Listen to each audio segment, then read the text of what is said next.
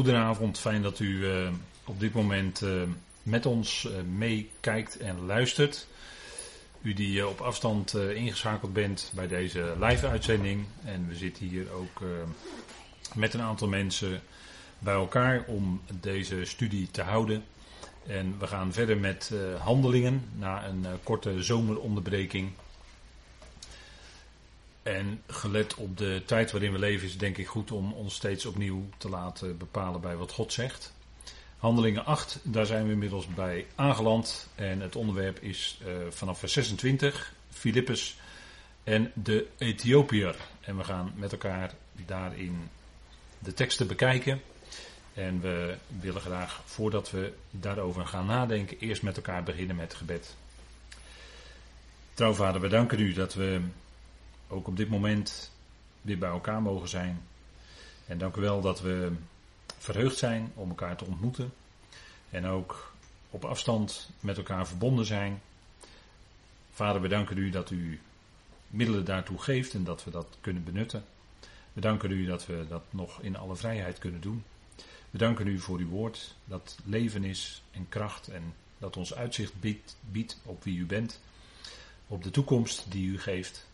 Vader, alle dingen zijn volledig in uw hand. We danken u dat daar waar mensen zich groot maken en waarin er van alles gebeurt in deze wereld, wij dat rustpunt hebben van u en uw woord en het diepe besef dat de tijd waarin we leven ook in uw hand is. Zoals iedere dag van ons leven door u geformeerd is van tevoren. U heeft ook alle dagen van ons leven vastgelegd. Het is te wonderlijk voor ons om dat te kunnen begrijpen. Maar dank u wel dat we dat geloven en dat het zo is. We danken u dat u dat woord geeft en wilt u zo leiden vanavond in het spreken, maar ook in het luisteren. Geef ons een luisterend hart voor dat wat u te zeggen heeft. U bent het Vader die ons voedt en koestert met het woord van u. Wilt u dat ook vanavond geven? En dank u wel dat we daarin door uw geest geleid willen worden. En dank u wel dat u dat ook doet. Dank u wel voor uw liefde en trouw en goedheid. In die machtige naam van uw geliefde Zoon, onze Heere Christus Jezus. Amen. Goed, we gaan kijken naar Filippus en de Ethiopiër. U ziet het uh, aangekondigd in deze presentatie, die u misschien kunt uh, meekijken als u uh, op dit moment luistert. En we gaan kijken in Handelingen 8 en dat gaan we gewoon maar vers voor vers doen. Allereerst geef ik u een kort overzicht uh, er zijn diverse mogelijkheden om dat te doen, maar dit is uh, iets dat uh, een goede indeling zou kunnen zijn. we zien dus dat Filippus op weg gaat nadat een boodschapper iets gezegd heeft. Hij ontmoet een Ethiopiër die de schrift aan het lezen is. En dan raken ze met elkaar in gesprek. Weer Filippus, de geest spreekt tot hem. En dan de Ethiopiër en Filippus samen, vers 30 tot en met 34. En die heeft vragen over de schrift. En Filippus kan hem dan uitleg geven. En dat is natuurlijk, eh, als het om evangelie gaat, dan draait het natuurlijk om de Heer Jezus Christus, uiteraard. En dan Ethiopiër en Filippus de doop in water, zoals we dat dan daar zien, vers 36 tot 38. En dan gaat Filippus door de geest van de Heer weer zijn weg en de Ethiopiër eveneens. Goed, we gaan met elkaar lezen. Vers 26, de volgende u ziet het eh, uitgeschreven op deze dia's die u kunt volgen en u kunt natuurlijk ook in uw Bijbel meelezen. Er staat een boodschapper nu van de Heer sprak tegen Filippus zeggend: Sta op en ga in de middag de weg op die afdaalt van Jeruzalem naar Gaza. Dit is een wildernis, of de zaakjes heb ik erbij gezet, een verlatenheid. En u ziet op het kaartje hier met rode stippeltjes de route die Filippus dan waarschijnlijk gegaan is. Het is de weg die afdaalt van Jeruzalem naar Gaza. En als ik dat zo lees, dan moet ik altijd denken aan de weg die afdaalt van Jeruzalem naar Jericho. U weet wel, het verhaal wat de Heer vertelt over die Samaritaan. Maar goed, dat is een heel ander gebeuren. Dat is een verhaal wat de Heer vertelt. En dit is geschiedenis wat we nu lezen. Filippus, die in Samaria aan het werk was. En wij zouden zeggen met grote zegen, want daar kwamen mensen tot geloof. We hebben de vorige keer ook stilgestaan bij uh, Simon de tovenaar, hè, zoals we dat dan uh, noemen. Die ook uh, zich omkeerde en een andere weg ging en ja, eh, bepaalde dingen wilde, maar dat ging niet. Maar in ieder geval werkte Filippus daar met een zegen. Met, hij bereikte mensen. Het evangelie van het koninkrijk brak ook daardoor. Zoals de Heer ook gezegd had tegen zijn discipelen in het begin. Dat ze zouden uitgaan en getuigen in uh, Handelingen 1 vers 8. Hè. Je zult uitgaan en mijn getuigen zijn in Jeruzalem, in Judea en in Samaria en tot het uiterste van het land. En we zien hier dus dat Filippus in Samaria, uh, laten we maar zeggen menselijkerwijs gesproken, met succes gewerkt heeft. Daar, mensen keerden zich om, zij keerden zich naar de Heer Jezus Christus, zij accepteerden hem als hun Messias, wat hij ook werkelijk is. De Messias van Israël, en daar gaat het hier ook om. En nu moet Filippus, en dat is het wonderlijke, moet hij een omgeving waar hij met vrucht werkt, moet hij verlaten. En dat is misschien wel merkwaardig voor ons, maar dit zijn de wegen van de Heer. Het is uh, de Heer die het bepaalt. Een boodschapper van de Heer sprak tegen Filippus. De naam Filippus trouwens betekent paardenliefhebber. Filijn is samengesteld uit de Griekse woorden filijn, dat is liefhebben op menselijk niveau. Hè. Eh, we hadden het afgelopen zondag over filantropie, weet u wel. Gods filantropie. Nou, er zit ook het woord filijn in, maar dat is altijd nog van een lagere orde dan het woord agape, of het werkwoord agapao. Dat is liefhebben de liefde van God. Dat is die hoge, belangeloze liefde van God. Een stap lager is de filijn, is de uh, genegenheid, is de laten we maar zeggen, zielse menselijke liefde. En dat zit in het woord Filippus. Liefhebben. En het andere woord is het woord paard. Dat is in het Grieks het woord hippo. Dat kent u misschien wel. Hippo is een paard, dus hij was een paardenliefhebber, om het zo maar te zeggen. En hij was ook iemand die in dienst stond van de Heer. Filippus was een van die ja, wat moet ik zeggen, oudsten, diakenen, die door de Heer was, die in, begin, in de beginperiode dat de gemeente van het koninkrijk ontstond, was hij een van die mannen die, uh, ja, en van Filippus wordt specifiek gezegd dat hij vervuld was met Heilige Geest, dat hij vol was van Heilige Geest. En uh, daarom uh, viel hij ook op bij de mensen. En hij was degene die ook naar Samaria gestuurd werd. Dus hij was een belangrijke, uh, die in het begin een belangrijke functie had in het evangelie van het koninkrijk nogmaals. Want we zitten hier natuurlijk, hè, nogmaals, in de lijn van het aardse koninkrijk dat zou gaan doorbreken.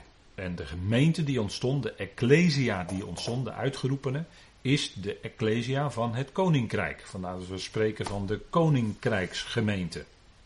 We zijn hier nog niet bezig met de gemeente die het lichaam van Christus is. Dat wordt pas later, en dat is het volgende hoofdstuk, handelingen 9, als Saul, Shaul geroepen wordt, Saulus, als die geroepen wordt, en later Paulus genoemd wordt, dan spreken we over het ontstaan, het begin van het lichaam van Christus. Als je die lijn niet vasthoudt, die verschillen, als je die, dan blijf je altijd in die verwarring zitten. Hou je deze lijn vast, dan kom je eruit. En dit is de lijn die de schrift aangeeft. Hè. Vanaf handelingen 2 gaat het om een ecclesia, gaat het om de uitgeroepenen die op weg waren naar het aardse koninkrijk en dat betrof in de allereerste plaats Israël. En via Israël zou het dan naar de natie gaan. Zou Israël het zendingsvolk zijn? Naar Jezaja 49 zouden zij gesteld worden tot licht voor de natieën. En dat, zou, dat zullen zij ook zijn in het komende koninkrijk, in de duizend jaren. En dat was de bedoeling, dat was de lijn. Zo ging het voort. En dat was in die begindagen kwamen er veel tot ommekeer. En daar hoorde ook van alles bij. Dat zien we ook in deze geschiedenis. De boodschapper van de Heer, dat is dan een hemelse boodschapper, die wij niet kunnen zien. Dat wordt in de schrift altijd engelen genoemd, maar dat is zijn hemelse boodschappers. In dit geval een boodschapper van de Heer. Dit is dus een hemelse boodschapper die dat tegen Filippus zegt.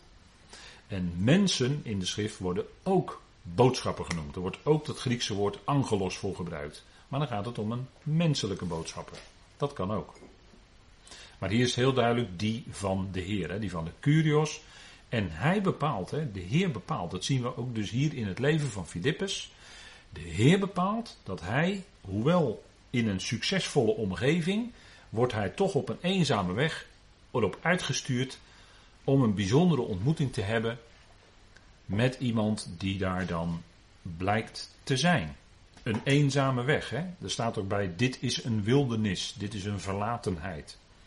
Of vaak wordt er dan het woord woestijn vertaald, maar dan denken wij aan heel veel zand. Maar dat hoeft het niet per se te zijn. Het kunnen ook heel veel stenen zijn. In ieder geval wel vaak droog. En daarom woest. En daarom verlaten. In de middag, dus dan is het heel warm. En dan moest hij afdalen van Jeruzalem naar Gaza. En Gaza, dat kennen we nog steeds. Hè? Gaza, dat is de Gaza-strook.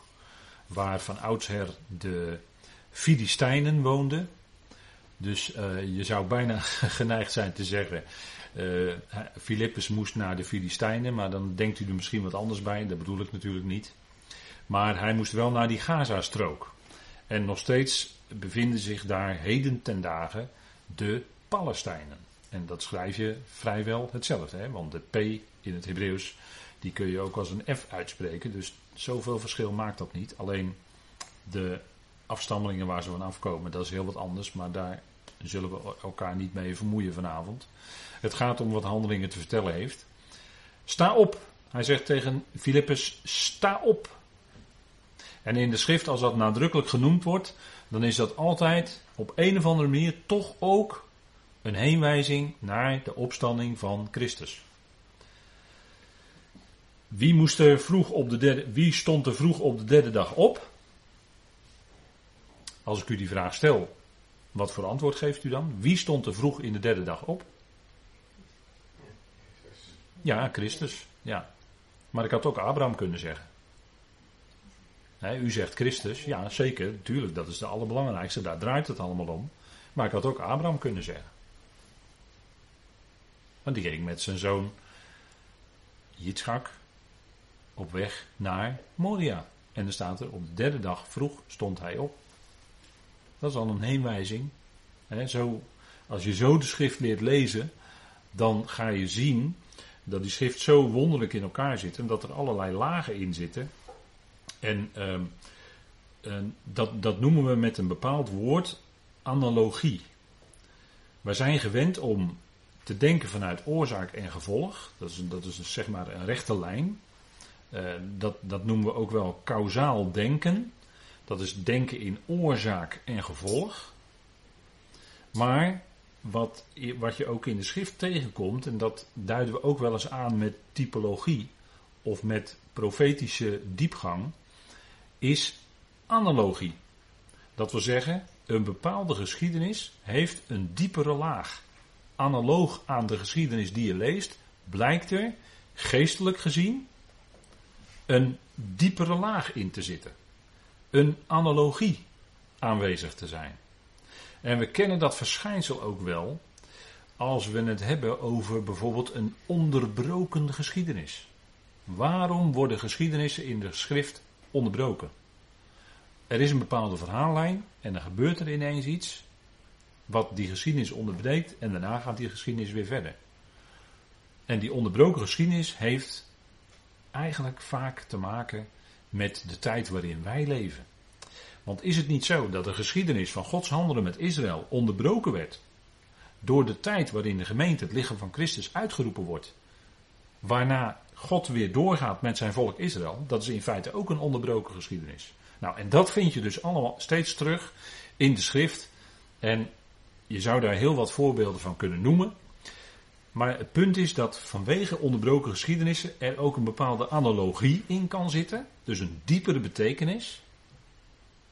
En vandaar dat, hè, ik, ik spreek daar nu even over, omdat we het hebben hier over dat tegen Filippus wordt gezegd: sta op. En dat betekent sowieso al dat er iets bijzonders gaat gebeuren. Sta op, dan is het een markering in de tekst. Maar dat is altijd op een of andere manier ook een heenwijzing naar de opstanding. Het zij die van Christus, het zij als gevolg daarvan in de toekomst andere opstandingen. En dat kan zomaar gebeuren. En dat is ook wat in ons leven gebeurd is. Wij zijn geestelijk gezien opgewekt geworden. Opgestaan, als het ware geestelijk gezien zijn we al opgestaan uit de doden. We zijn opgewekt geworden. En we zijn nu al met Christus gezet boven te midden van de hemelsen. Dat is een geestelijk iets. Dat is een, wel een geestelijk feit. Alleen het is nog niet lijfelijk aan ons voltrokken. Het punt is dat het in de nabije toekomst wel gaat gebeuren. Dat we samen met Hem ook daar daadwerkelijk zullen zijn. En in de komende eonen, in de komende tijdperken, zullen wij samen met Hem die geweldige bediening ingaan. Maar dat is voor het lichaam van Christus. En dat is denk ik uh, goed om te beseffen. Hè? Dus, en dit, wat, dit hele gebeuren hier in handelingen is natuurlijk al een stuk vrucht van het werk van Christus. Is een vrucht van de opstanding van Christus. Want de apostelen, zij getuigden van zijn opstanding. Dat deed Petrus op de Pinksterdag heel nadrukkelijk. Hij sprak uitvoerig over de opstanding van Christus. Hij haalde daarbij bijvoorbeeld aan Psalm 16: U maakt mij het pad van het leven bekend. David profeteerde dat met het oog op de Christus. En dat is wat uh, in, en in het kielzog, zeg maar, in, in, als geweldige vrucht van die opstanding van Christus en ook van zijn hemelvaart, waarna de geest werd uitgestort op Israël, op de, op, op, de, op de apostelen, de discipelen daar. En natuurlijk, ja, ja, van mijn geest werd uitgestort. Het was nog niet de volle vervulling van Joël. Dat is nog toekomstmuziek. Ja, zeker. Maar er was in die dagen al enorme vrucht. En dat is wat Filippus ook hier gaat doen. Hij gaat iets, hij gaat een bijzondere ontmoeting meemaken. En dan gaan we verder in vers 27. En opgestaan ging hij. En dat is ook in ons leven denk ik wel gebeurd. Hè? We zijn door de Heer gewekt en daarna gingen we. En was het eigenlijk in ons leven niet meer te keren. Een enorme verandering bracht het in ons leven teweeg. Op het moment dat we tot geloof kwamen. Dat we geestelijk gezien eigenlijk opstonden uit die dode situatie. En opgestaan ging hij. En zie, een man, een Ethiopiër, een uinig en machthebber van Kandasee. De koningin van de Ethiopiërs, die over heel haar schatkist aangesteld was, was gekomen om te aanbidden in Jeruzalem. Nou, dit is heel wat wat wordt meegedeeld over die persoon die Filippus gaat ontmoeten, zo weten we al uit het vervolg. En u ziet hier ook het plaatje, de afstand van Jeruzalem vanuit Ethiopië. En het toenmalige Ethiopië lag uh, wel op een iets andere plaats dan waar Ethiopië nu ligt. Maar dat ligt niet zo heel erg, dat verschilt niet zo heel erg ver van elkaar. Maar in ieder geval was hij dus uit het zuiden gekomen, wat wij zeggen Afrika. Was hij gekomen naar uh, Jeruzalem om te aanbidden. En dat was een Ethiopiër, een uinig. Dat is een, uh, ja, dat noemen we met een netwoord een ontmande. Dat was iemand die uh, gecastreerd was. Sorry voor het woord, maar dat is nou eenmaal zo. En dat had te maken ook met binnen die koningshuizen, met de op opvolging. dan liep men niet het risico dat zo iemand die zo belangrijk was, zelf als het ware de koning of de koningin kon afzetten en zelf als het ware een koningslijn ging ontwikkelen. Daar had dat mee te maken. Dat is nogal een, uh, u zegt nou, dat is nogal een hele erge drastische methode. Ja, dat is het ook, ja. Maar goed, hij was wel een belangrijke persoon binnen die, binnen, binnen Ethiopië. hij was de opperschatbewaarder. Hè. Tegenwoordig zeggen we de thesaurier-generaal, met een mooi woord. Het woord thesaurier is dan ook weer afgeleid van het Grieks. Maar hij was in ieder geval de schatbewaarder. Je zou kunnen zeggen, hij was de minister van Financiën. En zijn naam is niet bekend. Het zal niet, uh, het zal niet een, uh, ja, allerlei Nederlandse namen schiet u misschien nu door gedachten. Maar het was niet een, uh, de naam wordt niet genoemd in ieder geval van deze Ethiopiër. hij was een in ieder geval een, namens een machthebber van Kandasee. En Kandasee was, in, was een aanduiding. Uh, de Ethiopische heersers of koningen, koninginnen, die werden automatisch met Kandasee aangeduid. Dus dat was een algemene aanduiding. En hier dan de koningin van de Ethiopiërs. En dat moet u niet verwarren met de koningin van Sheba, die naar Salomo kwam. Want dat uh, was weer een, van een andere plaats afkomstig. Maar in ieder geval kwam die uit het zuiden, uit Afrika. En was over heel haar schatkist aangesteld. En dat was kennelijk nogal wat. En het was ook een belangrijke figuur. Hè. Je moet zich dan voorstellen dat hij niet alleen natuurlijk reisde, maar dat was hem waarschijnlijk toch wel een optocht. En uh, u ziet hier die piramidetjes op die, uh, uh, op die foto. dat, dat zijn dan overblijfselen van die toenmalige heersers. Hè, die niet alleen de Egyptenaren, hè, de farao's hadden die piramides.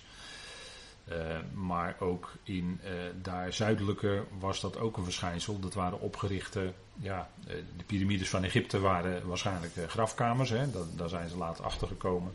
Die overigens, overigens ook heel nauwkeurig gericht bleken te zijn op bepaalde sterren en dergelijke.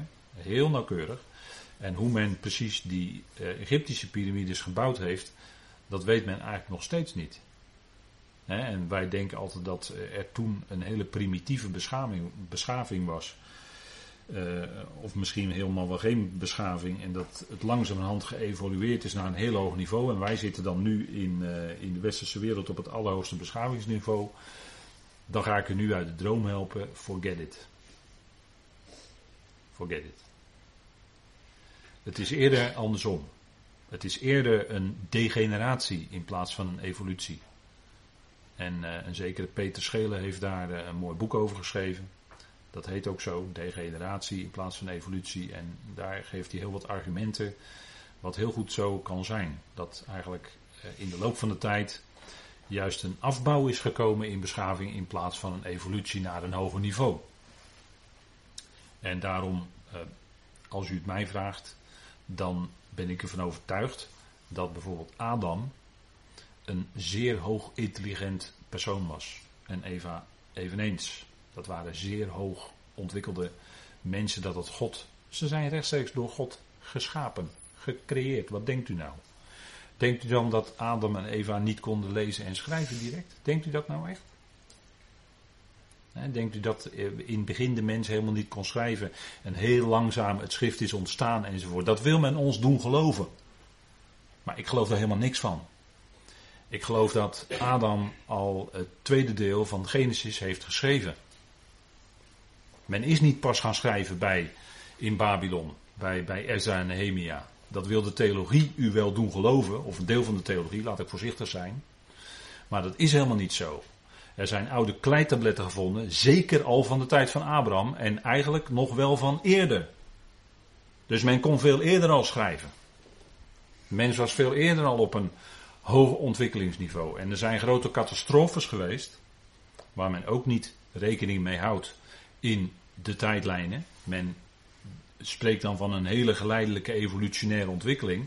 En men houdt totaal geen uh, rekening met grote catastrofes waarvan het gevolg wij lezen in Genesis 1 vers 2. En wat denkt u in de tijd van Noach, toen alles ook onder water ging? Toen de hele mensheid omkwam en zelfs uh, klommen ze tot op de heuvels en, en ze kwamen toch nog om door het water. Zo hoog kwam het water in die tijd. De hele mensheid kwam om, behalve acht. Wat denkt u wat dat heeft betekend? En zo zijn er nog wel meer snijpunten geweest in de geschiedenis waarin heel veel kennis in boeken enzovoort allemaal opgeschreven is verloren gegaan. En men kon veel meer, en dan is het ook een verklaring voor die piramides. Egyptenaren waren zeer intelligente mensen, kennelijk, want ze konden zo'n piramide bouwen. En precies op bepaalde sterren, hoe die stonden gericht, en, enzovoort, enzovoort. Dus er is veel eerder sprake van degeneratie dan van evolutie. Dus die Ethiopiërs, die konden ook wel wat. Hè? En we zien dan hier die piramidetjes. En uh, ook een, uh, een afbeelding. Hè? Ik heb ook een plaatje van een afbeelding.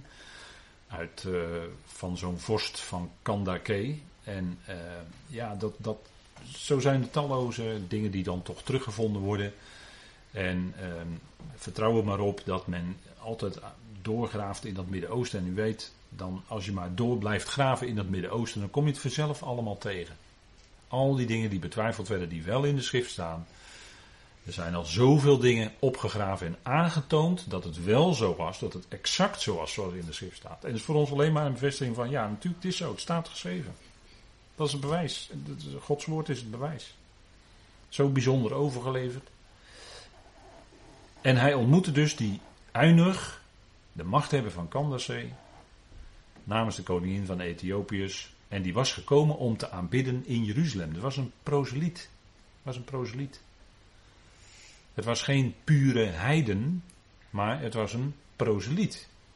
Het was iemand die was genaderd. Een proseliet is iemand die is genaderd tot de God van Israël, tot het Jodendom. En je had in die tijd proselieten van de poort. Dat waren degenen die wel genaderd waren tot de God van Israël en hem minstens respecteerden en aanbaden, maar niet alle gebruiken van het Jodendom overnamen. En je had proselieten van de gerechtigheid en die namen wel alle gebruiken, die lieten zich bij gelegenheid ook besnijden enzovoort. En die, die namen aan alle eh, voorschriften, namen ze in acht enzovoort. Dat waren proselieten van de gerechtigheid, die had je. En hier ontmoet Filippus dan een proseliet, waarschijnlijk van de poort. Hij was gekomen om te aanbidden in Jeruzalem. En een van die grote hoogtijden, hè, drie keer per jaar heb je van die hoogtijden, die door de Heer ingesteld zijn. En hij was dus een proseliet. het is dus niet zo, de, uh, dat, dat wordt wel eens gezegd hè, aan de hand van, uh, ja dat is een uh, bekende uitlegger uit het verleden, een, een wat beroemd geworden bisschop Baronius, die ook geschiedschrijver was binnen die kerk. En die eh, zegt dat, ehm, eh, die, die eh, beweert dan op grond van de ontmoetingen van Filippus en Cornelius met respectievelijk deze Ethiopiër en Cornelius, dat via hen het evangelie al naar de heidenen gegaan is en niet door Paulus. Pas toen die deur opengegaan was, beweert Baronius, hè, een bisschop, die beweert dan dat niet door Paulus, maar door hen al het evangelie naar de natie gegaan is. Dus dat is niet zo. Nee, dit waren Cornelius was ook een proseliet. Hier ging het bij die Ethiopiër ook om een proseliet. Dat waren al mensen die waren al genade tot de God van Israël. En we zien pas bij Saulus, Paulus, die gaat met Barnabas naar pure heidenen die nog niet waren genade tot de God van Israël. En die gingen met het evangelie wat aan Paulus was toevertrouwd, het evangelie van de genade, naar de natieën. Dus daarin onderschrijf ik niet wat bisschop Baronius zei.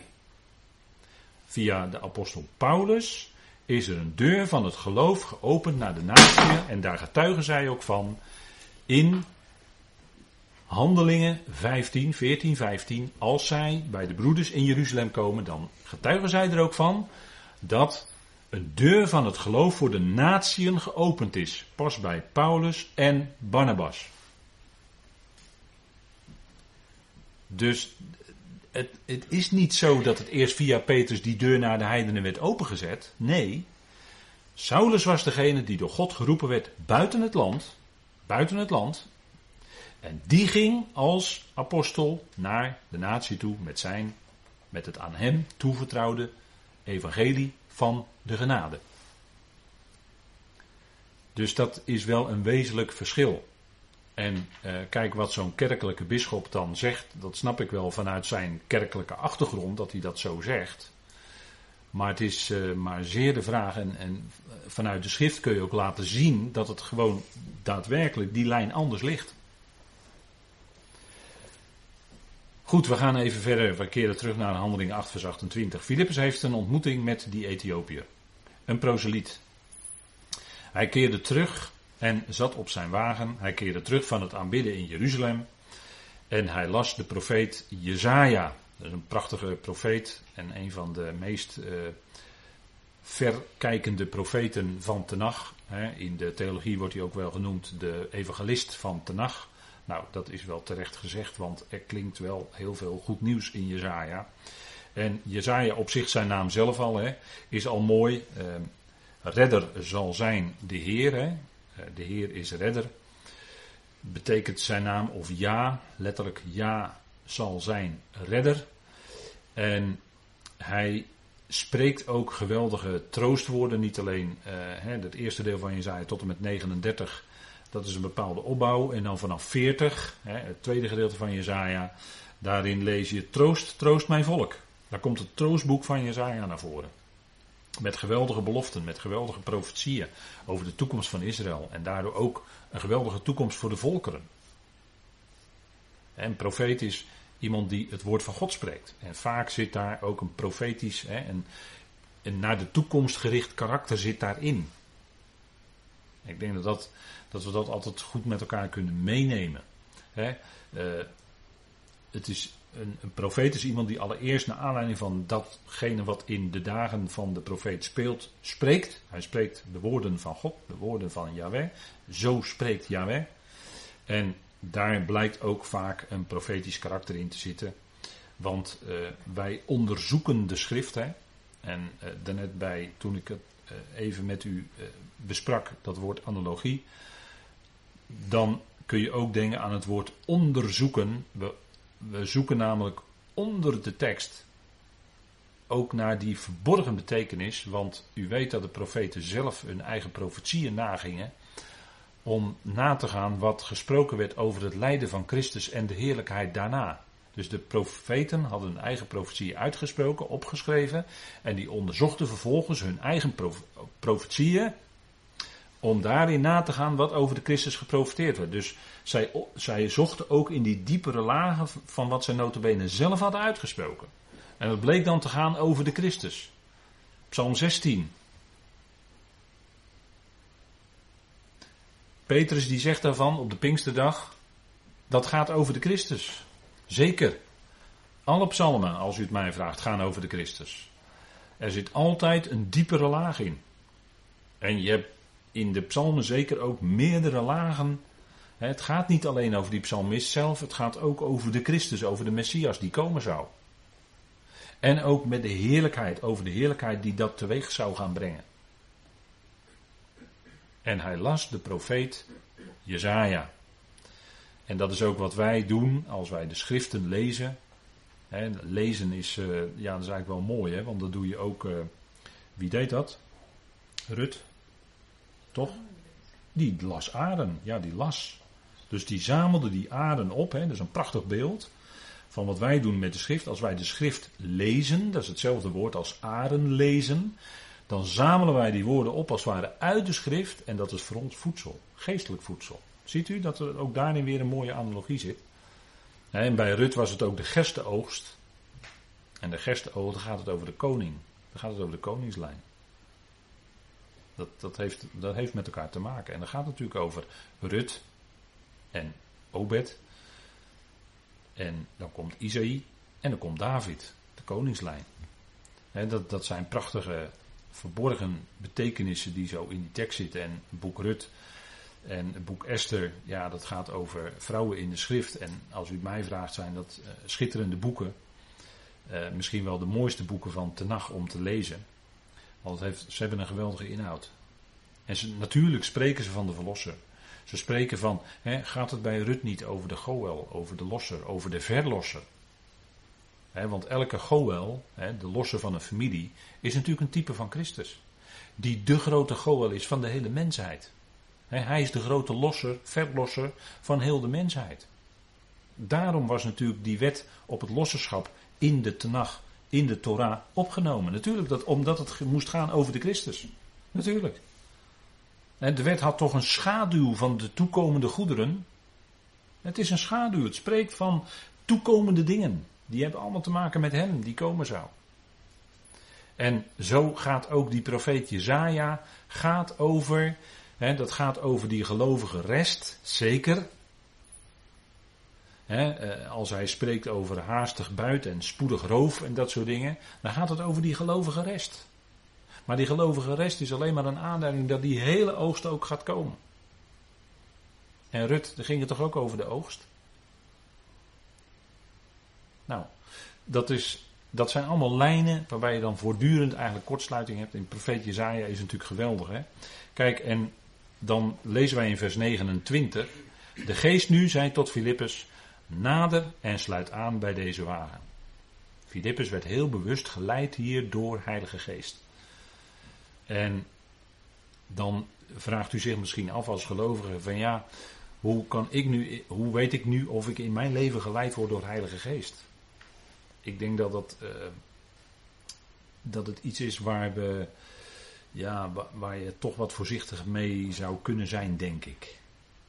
Uh, in bepaalde kringen is het heel gebruikelijk om te zeggen: Ja, de Heer gaf, gaf in mijn hart dit en dat, en toen heb ik dat en dat gedaan. En dat kon wel eens helemaal verkeerd uitpakken.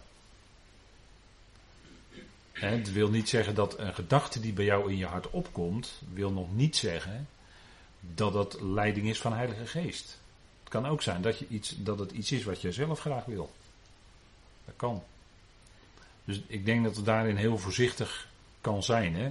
Soms heb je wel eens dat je heel sterk aan, aan dingen moet denken. Uh, en je wordt bij dingen bepaald van Gods woord in je, in je gedachten, in je hart. En dat daar vervolgens in een samenkomst of in een bijbelstudie nadrukkelijk over gesproken werd. Dat, ik denk wel dat het zo kan werken. Dat het dan op elkaar aansluit. Hè? Dat, dat God je als het ware al voorbereidt op datgene wat gesproken gaat worden. En eh, natuurlijk is het bij ons zo dat we, hè, naar Efeze 5 vers 18, daar zegt Paulus ook, eh, wordt vervuld met de geest. Hè, bedrink je niet aan wijn wat tot liederlijkheid leidt, maar wordt vervuld met geest. En in Colossense zegt hij, laat het woord van Christus rijk in je inwonen.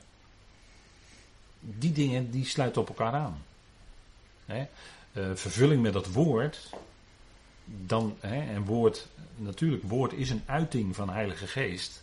Dus als jij je hart vult hè, met die woorden van het geloof en van het uitstekende onderricht van Paulus, dan, uh, dan gaat die geest in je werken. En het kan best zijn dat je dat je uh, door iets heel. Jij zegt van het is heel eenvoudig. Je stuurt een kaartje naar iemand en je zet daar iets op. En je hoort naar de hand van diegene aan wie jij de kaartje gestuurd hebt dat het enorm aangesproken had, precies in die situatie. Ik denk dat dat een stukje leiding van Heilige Geest is. Dat God je dan gebruikt op dat moment om die andere medegelovigen te bemoedigen, die het zo hard nodig heeft. Dat weet jij op dat moment niet. Maar God werkt dat dan wel zo heel wonderlijk uit. Kijk, zo kan hij, zo leidt God door zijn geest. Hè? En, en uh, leiding door de geest, kijk, dus altijd aansluitend op de principes van de schrift zelf. God roept niet in deze tijd hele volkeren. God maakt niet in deze tijd volkeren tot discipelen. God is niet bezig in deze tijd met wereldzending. Dat is niet de opdracht die aan de gemeente het licht van Christus gegeven is.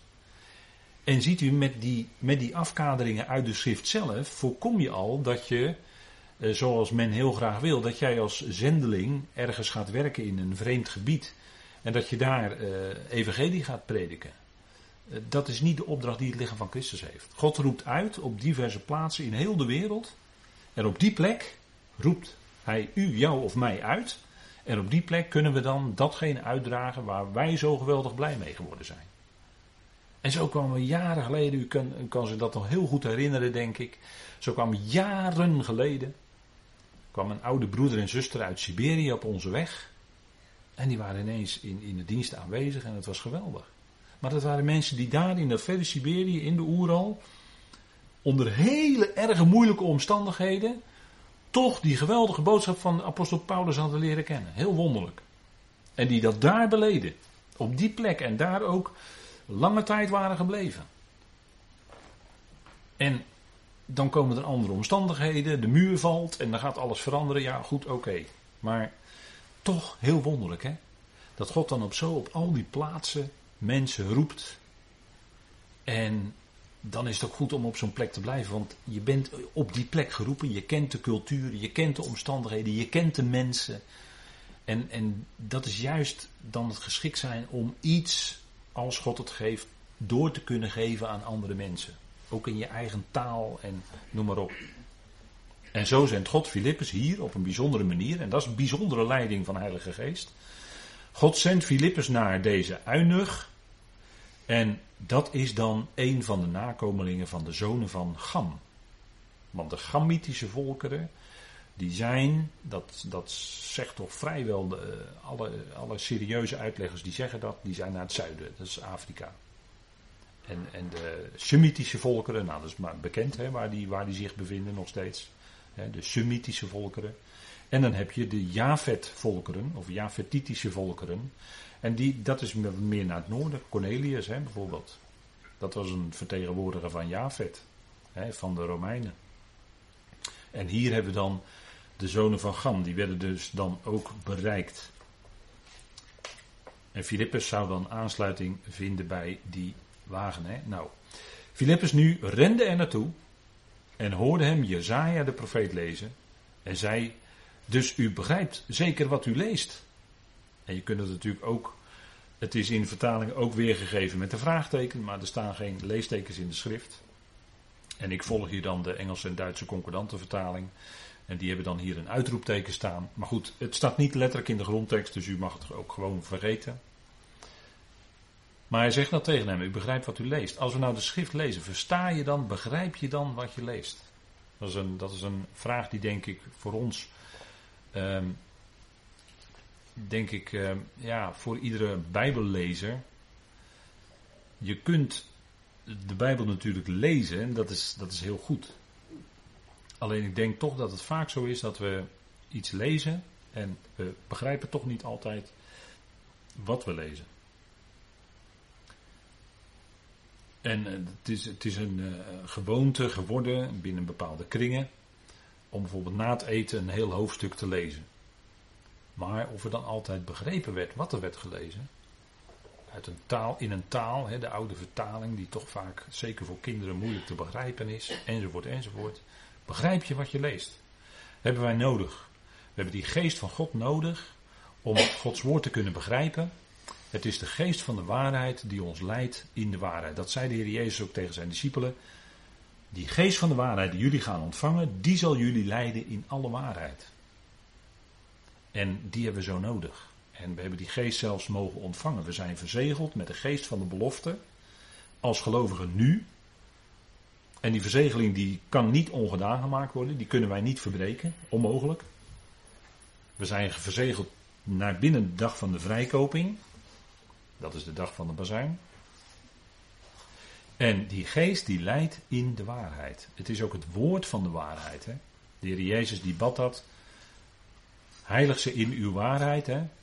Uw woord is de waarheid. En dat stond voor de Heer bovenaan. En dat is ook iets wat voor ons bovenaan staat. Hè? Dat woord van God is voor ons wat boven ons staat. Dat is de absolute waarheid van God. Dat is niet iets waar wij, uh, ja, ik gebruikte afgelopen zondag bepaalde woorden, hè. Marchanderen en sjoemelen en sjacheren en noem maar op. Dat kan je niet doen met het woord van God. Want dan kom je uit op een plek waar je niet meer in die waarheid staat. Maar dan raak je los van die waarheid. En we leven ook in de tijd dat de mensen hun gehoor afwenden, afkeren van de waarheid. We leven in de tijd dat mensen die waarheid van God voor vandaag dan bedoel ik dus het evangelie van Paulus, niet willen. Met de mond misschien hier en daar wel beleiden, maar in de praktijk en in, bijvoorbeeld in groepsverband het evangelie van Paulus niet willen. En daar ondervind je dan ook tegenstand van. Dat gebeurt. Kijk, het is de geest van God die leidt in de waarheid. En de waarheid voor vandaag is het evangelie van de apostel Paulus, de brieven van Paulus. Anders is er niet voor vandaag. Waarheid. Het is niet het evangelie van de besnijdenis. Want dan kom je verkeerd uit. Dan kom je toch weer bij de werk uit. Dan moet je toch weer wat doen. Nee, het is genade. Lees de gelaten brief. En dat is die, die grondtoon in het evangelie van Paulus. Is, het even, is de genade van God. Is niet datgene wat wij er eventueel aan werken willen toevoegen. En als je die zaak met elkaar gaat vermengen, dan zegt Paulus heel duidelijk in Galaten 1, dan heb je niets meer. Dan heb je iets wat geen evangelie is. Hij zegt dat is geen ander. Dat is geen allos evangelie, is geen andere evangelie. Nee, zo scherp liggen die dingen wel. En daarom is het heel goed je af te vragen, begrijp ik nou eigenlijk wat ik lees? Kijk, wil je bij de waarheid voor vandaag uitkomen, of wil je de waarheid voor vandaag hebben, dat is het evangelie van Paulus. En de rest van de schrift natuurlijk is de waarheid van God. Alleen het is wel bedoeld voor een bepaalde tijd. Dan is het waar. Het evangelie van de besnijdenis is straks waar als wij weggenomen zijn. Als wij weggerukt zijn bij de bazuin. Daarna geldt het evangelie van de besnijdenis weer. Dat is dan de waarheid. Voor die tijd. Het evangelie van het koninkrijk. Dat is de waarheid voor straks, voor die tijd. En daarom is het zo belangrijk dat we verstaan wat we lezen. Die schrift is geweldig. Die hele schrift is geweldig. Natuurlijk spreekt van God. Die de waarheid is. En die waarheid spreekt. Per definitie. Titus 1 zegt dat God niet liegt. Er staat niet, God, er staat niet dat God niet kan liegen. Nee, er staat het is de God die niet liegt. Dat staat in Titus 1. En die, aan de andere kant is de vader van de leugen. Dat is de diabolos. Dat is de dooreenwerper. En die wil niets liever dan twee evangeliën door elkaar mixen, zodat je niks meer overhoudt. Kijk, zo scherp liggen die dingen. En als er verwijdering is tussen gelovigen, dat, dat gebeurt, hè, dat gebeurt in onze dagen, hè, dat, dat, dat zijn processen, dan is die verwijdering heeft altijd een geestelijke oorzaak. Verwijdering van gelovigen uit elkaar heeft altijd een geestelijke oorzaak. Waarom was de apostel Paulus niet langer welkom in de gemeenten van Galatië? Dat was omdat ze hem niet meer moesten. Dat was omdat ze misleid waren door judaïstische dwaalleraren. Die de zaak door elkaar mixten. En toen was Paulus niet langer welkom. Dus dat had een geestelijke oorzaak dat Paulus daar niet meer. Allen in Azië hebben zich van mij afgekeerd. 2 Timotheüs 1 vers 15. Daar zegt hij het. Dat is het punt, hè? Had een geestelijke oorzaak. En daar waar de waarheid van God niet langer welkom is, dat heeft een geestelijke oorzaak. En dat is wat, als het gaat om het evangelie van Paulus, is het vrijwel altijd, zijn het dezelfde dingen die een rol spelen. Net als toen is het vandaag nog precies eender. In het leven van Paulus ging binnen één generatie ging het in Galatië onderuit. En dan moet ons niet verbazen, helaas met verdriet in het hart zeg ik dat, maar dan moet ons niet verbazen dat nu, hè, als we dat meemaken binnen één generatie, er zo'n verweer komt dat het gewoon moeilijk gemaakt wordt. Dat is niks, wat dat betreft niks nieuws onder de zon. We leren van het leven van de apostel Paulus. Goed, we gaan even nog kijken naar vers 31. Begrijp je wat je leest, hè? Hij echter zei: Hoe zou ik dan ook dat kunnen, indien iemand mij niet zou gidsen? Kijk, je hebt soms een gids nodig en onze gids is de apostel Paulus. Als we voor ons spreken, is het de apostel Paulus die onze gids is. Daarbij verzocht hij Filippus de wagen te bestijgen en te gaan zitten met hem. Met andere woorden, gids mij nou in dat woord. Leg mij dat woord nou uit. Wat betekent dat nou, wat ik lees? En het kan best zijn dat je als gelovige anderen nodig hebt om de schrift te kunnen verstaan. Heb ik deze slide erbij gezet. Om te kunnen begrijpen. En wat geeft Christus Jezus dan vandaag? Wat geeft hij in de gemeente vandaag? In het lichaam van Christus wereldwijd. Wat geeft hij dan? Efeze 4. He, daar citeert Paulus uit Psalm 68. Wat geeft hij dan? Christus Jezus. Nou, in onze dagen in het begin apostelen en profeten, maar die horen bij het fundament. En wat geeft hij dan? Evangelisten, herders en leraars. Die geeft hij in de gemeente. En die geeft hij, zodat de gelovigen opgebouwd kunnen worden. En dat gelovigen ook gidsen hebben om hun wegwijs te maken in dat woord. Hoe zit dat nou? En dan gaat het niet om die personen zelf, maar dan gaat het om wat God geeft in de gemeente. En dan is het goed om die lijnen goed vast te houden. Hoe zou ik dat dan ook kunnen, zegt die Ethiopiër. En dat is een, hoewel die in zijn eigen land een machtig persoon was, met veel uh, invloed, uh, minister van Financiën, bij wijze van spreken. En hier stelt hij zich heel ootmoedig op, heel nederig op. Hij vraagt aan Filippus, wees jij nou mijn gids in dat woord? Ik denk dat het zo ook werkt. Hè, dat die dat, dat natuurlijk weten we ten diepste dat God dan in die Ethiopiër die ootmoedigheid in het hart geeft. om zich te willen laten onderwijzen, natuurlijk. Maar toch. Vers 32. De inhoud nu van het schriftgedeelte dat hij las was dit. Jezaja 53 vers 7. Als een schaap werd hij naar de slacht geleid en als een lam dat stemloos is tegenover degene die scheert, zo deed hij zijn mond niet open. Zijn natuurlijk bekende woorden hè, uit Jezaja 53. Het gedeelte dat in de synagogelezingen in Israël niet gelezen wordt. Hè. Er zijn twee gedeeltes. Ze lezen in het hele jaar lezen ze de, de Torah en de Tanach door. Maar ze lezen twee gedeeltes niet. Dat is de profeet Daniel en dat is Jezaja 53. Heel opmerkelijk. Maar die stukken worden niet gelezen, die worden overgeslagen. Goed, het zij zo. Dat is nou eenmaal een traditie binnen het Jodendom. Maar hier is natuurlijk een profetie over de leidende Obed Yahweh, zeggen we dan op zijn Hebreeuws, de leidende knecht van Yahweh, des Heren. De inhoud nu van het schriftgedeelte dat hij las was dit. een schaap. Als een schaap, het is een vergelijking. Werd hij naar de slag geleid. En als een lam stemloos tegenover scheren. Zo deed hij zijn mond niet open. Het was voor Pilatus een koninklijk zwijgen wat hij deed. De beschuldigingen waren vals. De beschuldigingen misten elke grond. Er werden valse getuigen opgeroepen.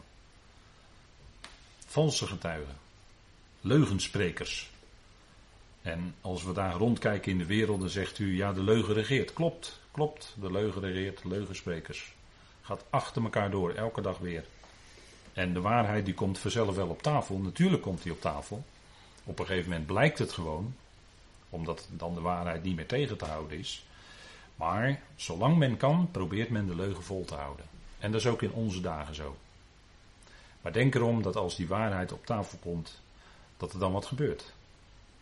En zo is het natuurlijk ook met de schrift. Kijk, die waarheid van de schrift, die kun je natuurlijk proberen onder tafel te schuiven, weg te moffelen, weg te duwen. Maar die waarheid staat geschreven. Die waarheid staat geschreven en dat gaat vervuld worden. Absoluut zeker. En nu zien wij nog niet, zegt de Hebreeën schrijver, dat hem alle dingen onderworpen zijn. Maar er komt een tijd dat wel degelijk alle dingen aan de Heer Jezus Christus ondergeschikt zullen zijn. Zeker. Die tijd gaat zeker komen. Daar is geen enkel misverstand bestaat daarover als we de schriften raadplegen. En denk erom dat dat wat de schrift geprofiteerd heeft, dat dat werkelijkheid gaat worden. Denk erom. dat, dat, daar kun je geen enkele millimeter van wijken. Dat gaat gebeuren. En natuurlijk, Gods plan ligt vast. En God zal zelf erover waken. Dat is de amandeltwijg, hè? Hij zal zelf erover waken, over zijn woord, om het te doen. Hij zal zelf, zal de Heer als enige in de dag van Yahweh verheven zijn. We leven in de slotfase van de dag van de mensen. De mens probeert uit alle macht die macht over alle andere mensen te krijgen. Een kleine, misschien een kleine groep die naar openbaring 13 een waanzinnige dictatuur gaat uitoefenen over de hele wereld. Zegt openbaring 13 hè. En daarbovenuit zal die verlossing op tijd komen. Hij zal op tijd, zegt Paulus in Romeinen 11. De verlosser zal uit Sion komen en hij zal zijn volk precies op het juiste moment verlossen van die enorme, verschrikkelijke dictatuur ongekend zoals hij er nog nooit geweest is en daarna ook nooit meer zijn zal. Hij zal precies op tijd komen. Dat staat geschreven en dat zal hij ook doen. dat, is denk, dat zijn dingen die echt nadrukkelijk zeker vaststaan. En dat is waar we naar uit mogen kijken. Hoe donker het ook in onze dagen wordt geestelijk gezien en al is. En nog steeds donkerder wordt. Maar wij hebben dat geweldige licht van Gods woord. Wat ons hart verheugt waar we blij mee zijn en blij mee blijven, want het is geweldig. Het, het staat geschreven en het is zo geweldig die heerlijkheid die God gaat geven.